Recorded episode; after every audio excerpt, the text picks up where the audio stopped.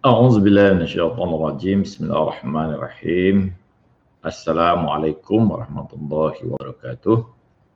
الحمد لله رب العالمين والصلاة والسلام على أشرف الأنبياء والمرسلين سيدنا وحبيبنا وشافعنا مولانا بالقاسم محمد. اللهم صل على محمد وآل محمد وعلى أهل بيت الطيبين الطاهرين وأصحابه الميامين المنتجبين. Alhamdulillah berjumpa lagi kita dan kita lanjutkan lagi kuliah kita ke-6 filsafat manusia. Kita sudah bicarakan sebelumnya bahwa manusia pada hakikatnya adalah berusaha untuk menyempurnakan diri mereka. Manusia mengejar kesempurnaan the perfect seeker ya.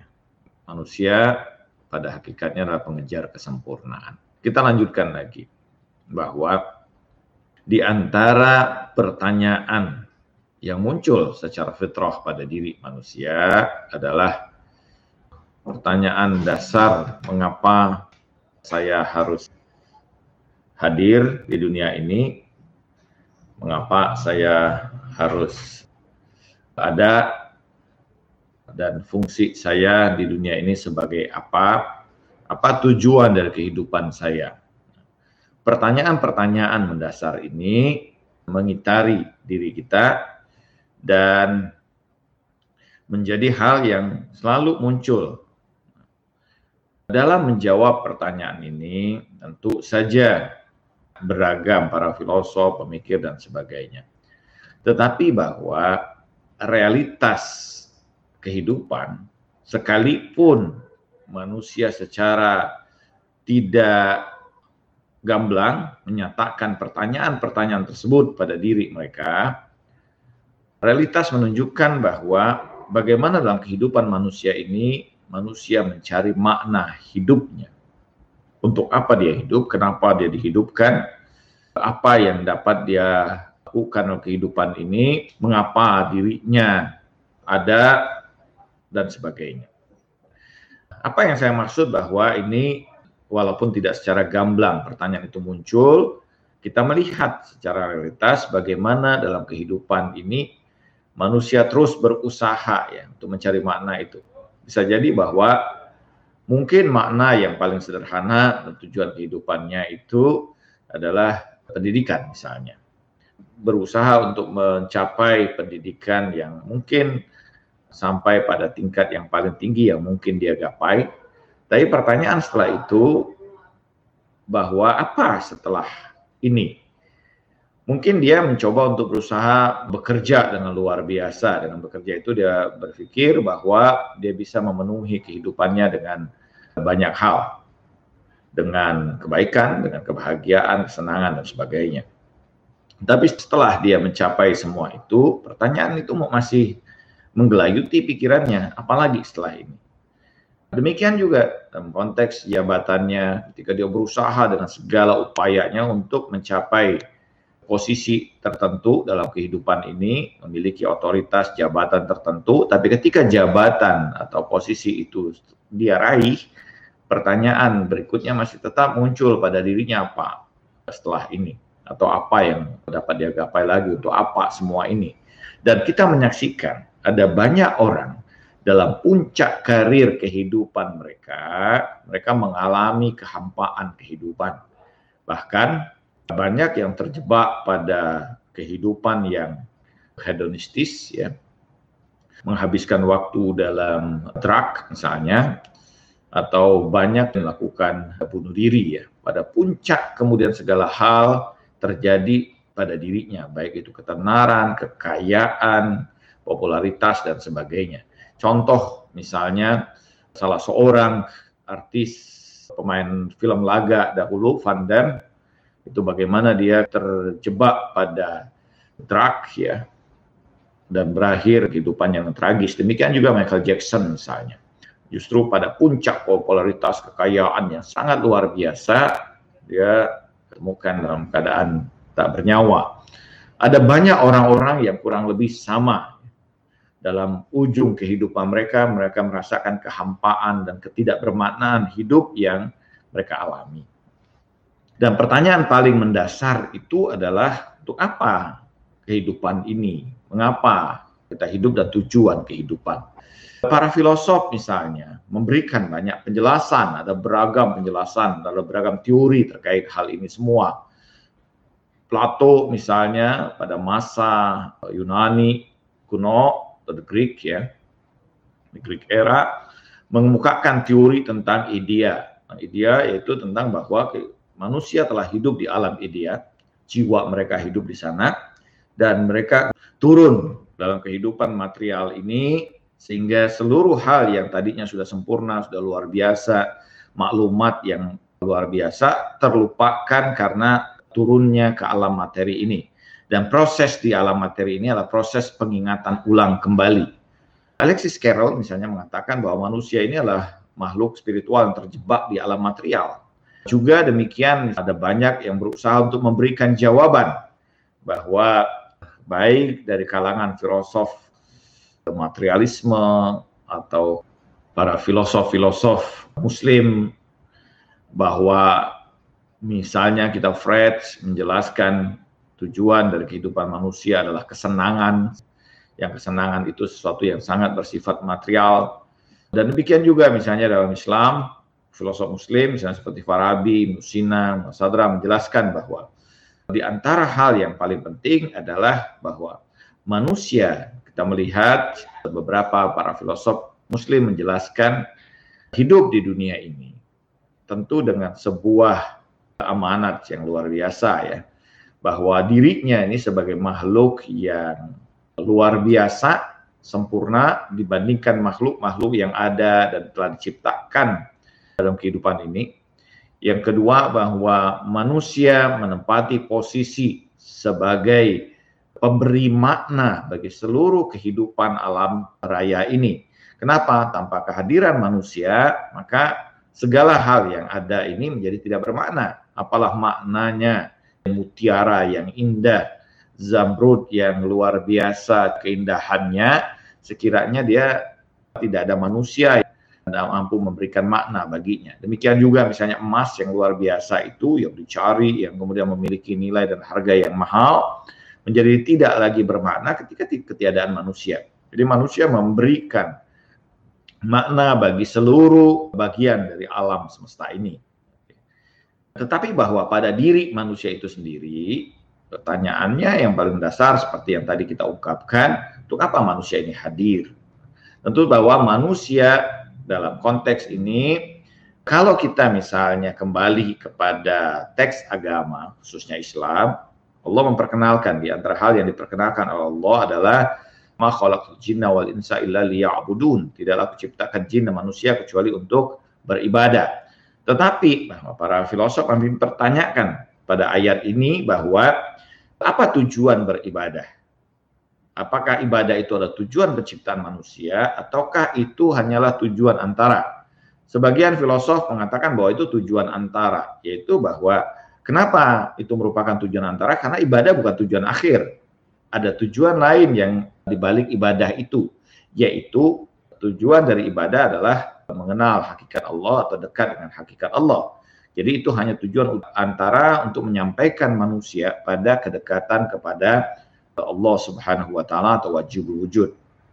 Nah, pandangan ini memberikan kemakna bagi kita bahwa di antara hal yang mendasar bagi manusia dihadirkannya manusia ini adalah sebagai makhluk yang dia berjalan menuju puncak kesempurnaan, mendekati hakikat dari wajibul wujud. Nah, proses kalau kita melihat apa yang menjadi tujuan utama dalam proses di kalangan para filosof muslim, jadi seluruh tujuan kehidupan manusia tidak lain adalah dalam upaya dia melakukan perjalanan proses kesempurnaan untuk sampai pada tingkat yang paling tinggi yaitu kedekatan dengan wajib wujud atau dengan hakikat wujud yang paling hakiki.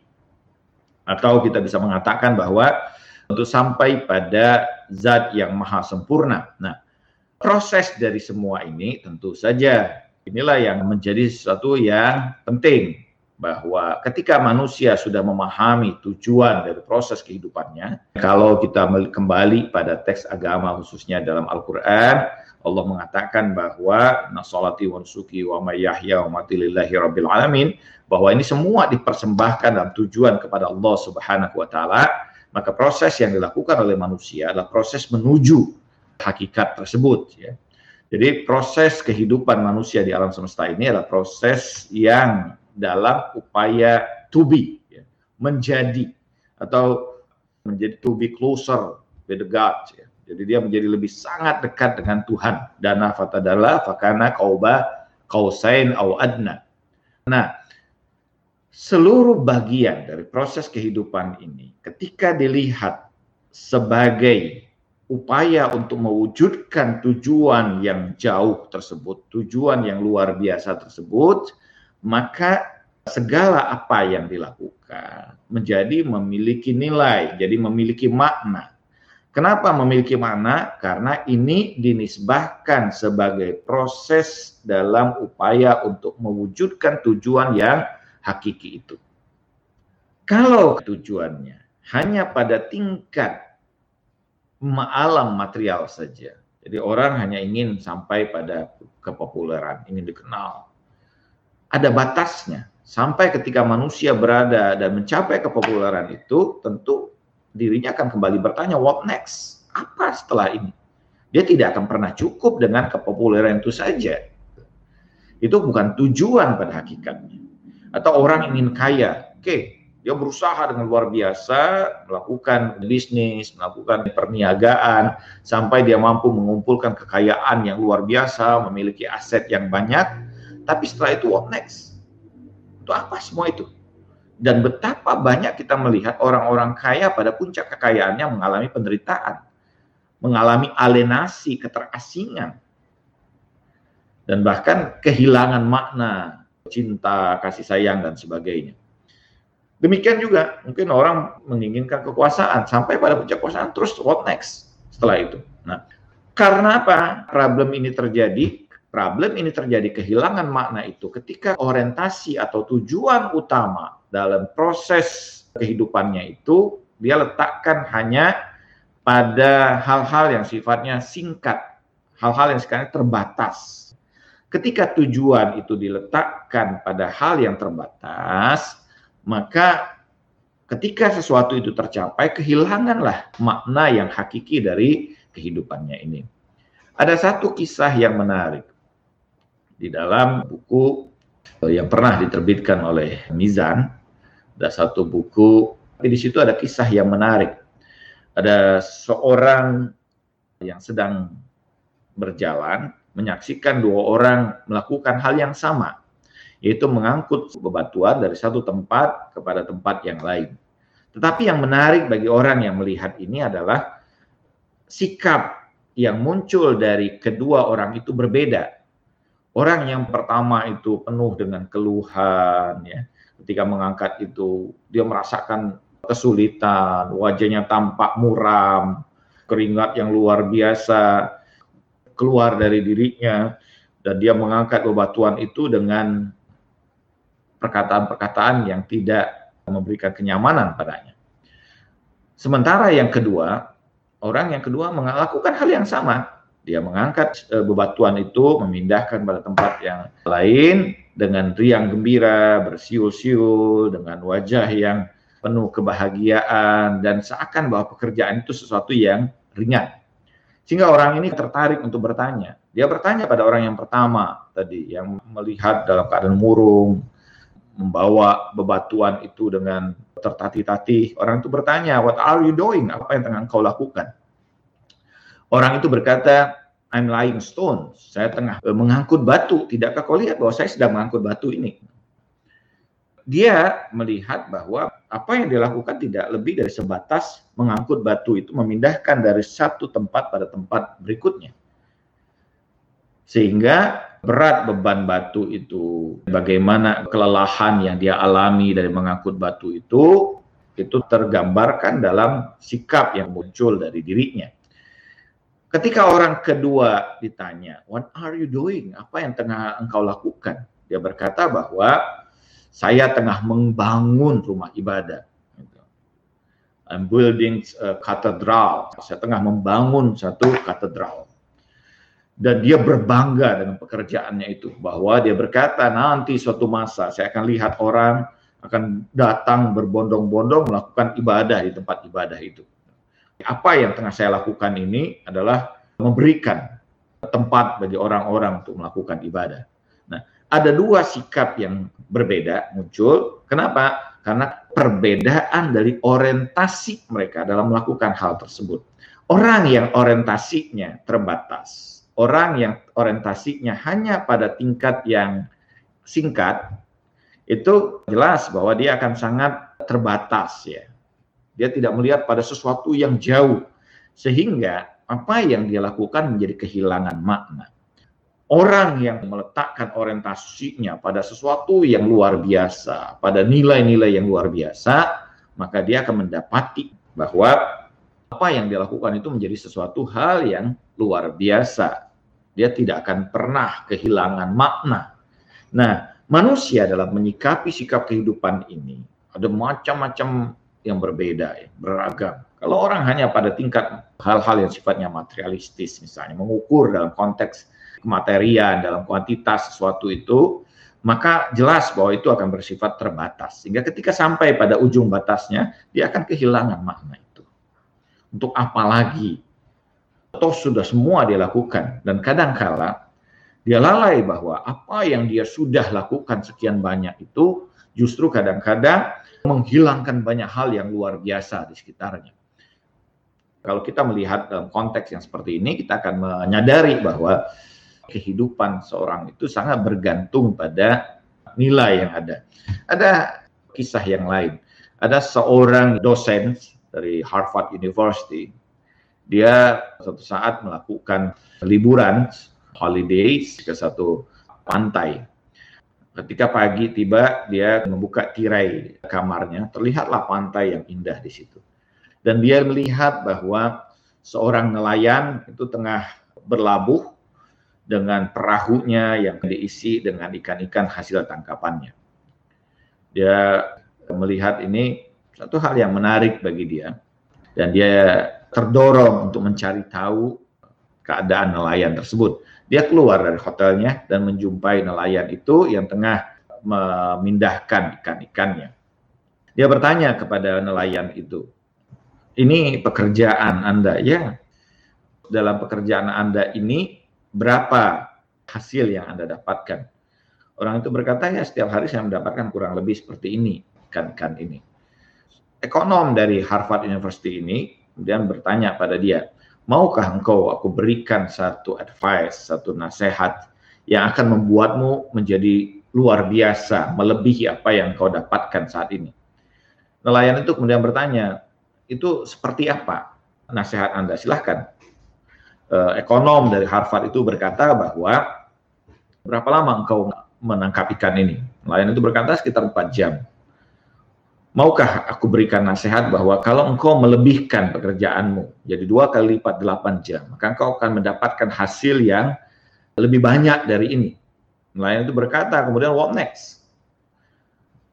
Ekonom itu berkata bahwa engkau kumpulkan uang-uangmu, engkau sisihkan dari eh, pendapatanmu itu dan engkau belikan perahu yang lain.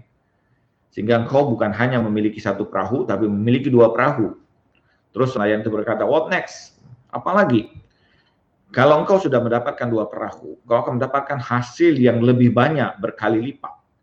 Bahwa engkau bisa menabung dan engkau bisa membeli berikutnya dalam satu tahun saja, engkau akan bisa membeli tiga, bahkan bisa membeli lima perahu. Terus what next? engkau akan mendapatkan hasil yang luar biasa banyaknya setelah satu tahun menjalani ini. Kemudian orang itu berkata, what next? Engkau bisa mendirikan perusahaan perikanan, sehingga engkau bisa membuat kantor dan melakukan pembuatan pabrik untuk mengolah kemudian ikan-ikanmu, mengalengkan ikanmu dan menjual kemudian di pasar yang lebih luas. Engkau memiliki perahu yang mungkin lebih banyak lagi. Kemudian nelayan itu what next? Kau akan menjadi kaya raya dengan itu. Terus orang nelayan itu berkata, what next? Engkau bisa menjual sahammu di bursa saham. What next? Apalagi setelah itu engkau mendapatkan kekayaan yang banyak, engkau bisa hidup bersenang-senang di hotel, di pantai. What next? Engkau bisa bermain dengan sahabat-sahabatmu, engkau bisa bergembira, menyanyi dan sebagainya. Berapa lama saya butuhkan waktu untuk sampai seperti itu kata nelayan itu? Ya paling tidak 20 atau 25 tahun kata ahli ekonomi ini. Nelayan itu berkata, "Maaf, Tuan, apa yang Anda katakan harus saya dapatkan 25 tahun itu, sudah saya dapatkan sekarang. Setiap hari saya bermain dengan keluarga saya, dengan bahagia, sore-sore saya bermain gitar dengan teman-teman saya, malam saya berkumpul lagi dengan sahabat-sahabat saya, bernyanyi dengan mereka, dan saya berbahagia dengan anak-anak saya dan keluarga saya. Jadi apa yang akan saya dapatkan 25 tahun, sudah saya dapatkan dengan kondisi seperti ini. So, what next? Kemudian untuk apa? Mendengar jawaban itu, ekonom itu kemudian terdiam. Dia berpikir tentang keadaan dirinya. Nah, problem yang sering terjadi yang menimpa banyak manusia dalam konteks hal yang seperti ini. Sekiranya misalnya kita gambarkan bahwa seorang ekonom ini memahami bahwa makna dan hakikat kehidupan, dia akan berkata bahwa dengan kekayaan itu engkau bisa melakukan kebaikan yang lebih banyak kepada banyak manusia kau bisa memberikan pekerjaan yang lebih banyak kepada orang-orang yang tidak bekerja dan banyak orang yang dapat hidup dengan bahagia mengalami kebahagiaan yang banyak karena kau memiliki perusahaan yang cukup besar sehingga banyak orang yang bisa menggantungkan kehidupan pada apa yang telah kau lakukan. Ini perbedaan tentu saja bahwa perbedaan sikapi, perbedaan orientasi menyebabkan munculnya perbedaan makna dalam kehidupan manusia. Nah, kalau manusia kehilangan makna dalam kehidupan ini, maka dia menjadi tidak lagi bermakna. Ketika manusia mengalami keadaan yang tidak lagi bermakna, maka dia akan merasakan bahwa kehidupannya menjadi sesuatu yang yang tempat yang buruk kehidupan ini. Dunia ini adalah tempat yang buruk, tempat yang sia-sia, tempat yang mungkin dia kehilangan persahabatan, dia kehilangan cinta, dia kehilangan kasih sayangnya, sehingga bahkan muncul beragam penyakit-penyakit batin yang akan terjadi pada dirinya, muncul kecurigaan, muncul kebencian, kekhawatiran yang berkepanjangan, tekanan yang luar biasa, ketidakpercayaan kepada apa pun, bahkan ketidakpercayaan kepada dirinya sendiri. Dan ini terjadi. Nah, karena itu bahwa pada hakikatnya pertanyaan-pertanyaan dasar tentang pencarian makna pada diri manusia seharusnya mengantarkan manusia pada pemahaman makna yang lebih dalam bahwa setiap manusia dalam kehidupan ini dia adalah wujud yang spesifik. Kenapa? Karena tidak ada wujud lain yang seperti dirinya. Yang mengalami kehidupan sebagaimana yang dia alami. Bahwa apa yang terjadi padanya hanya terjadi padanya, tidak pada orang lain. Bagaimana ekspresi dia, bagaimana persepsi tentang peristiwa-peristiwa dan sebagainya. Nah, karena itu bahwa setiap manusia pada hakikatnya walaupun dia punya makna yang jauh, dia juga punya makna yang spesifik dalam kehidupan ini. Kehadiran dirinya tentu saja ada maknanya, ada hal yang spesifik yang hanya mampu dilakukan oleh dirinya dan tidak akan mungkin dilakukan oleh orang lain.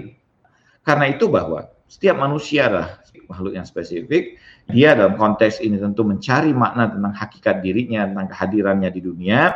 Dan ini menjawab pertanyaan ini, menegaskan apa tujuan dari semua kehidupan yang terjadi ini pada dirinya, pengalaman kehidupannya, proses kehidupannya menjadi sesuatu yang sangat mendasar dan sangat penting. Karena ketika manusia itu tidak mampu menjawab pertanyaan-pertanyaan tersebut, maka dia akan mengalami alienasi, dia akan keterasingan, kehilangan makna dalam kehidupannya, mengalami hopeless, kehilangan harapan dalam kehidupannya dan sebagainya. Yang akan memunculkan beragam penyakit-penyakit batin yang luar biasa pada dirinya. Nah, kita akan bicarakan tentu saja tentang beragam hal lainnya dari diri manusia, tapi yang jelas bahwa pada diri manusia akan muncul pertanyaan-pertanyaan dasar atau pertanyaan-pertanyaan sifatnya eksistensial tentang kehadirannya di dunia ini dan pencarian makna atas kehadirannya di dunia ini.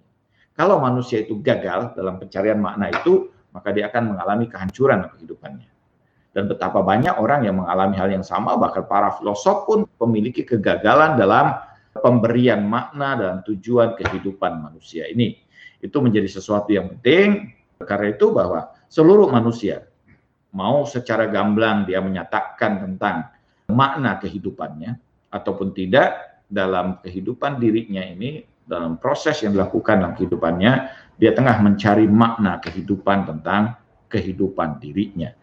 Nah, ini satu hal yang sangat mendasar yang tentu dalam konteks inilah kenapa turunnya agama, ya, turunnya para nabi, penjelasan-penjelasan Tuhan dalam teks-teks kitab suci menjelaskan tujuan hakiki dari kehidupan manusia dan apa makna kehidupan dirinya yang sesungguhnya. Kita akan lanjutkan kuliah kita pada pertemuan kita berikutnya. Sampai di sini, terima kasih atas perhatiannya.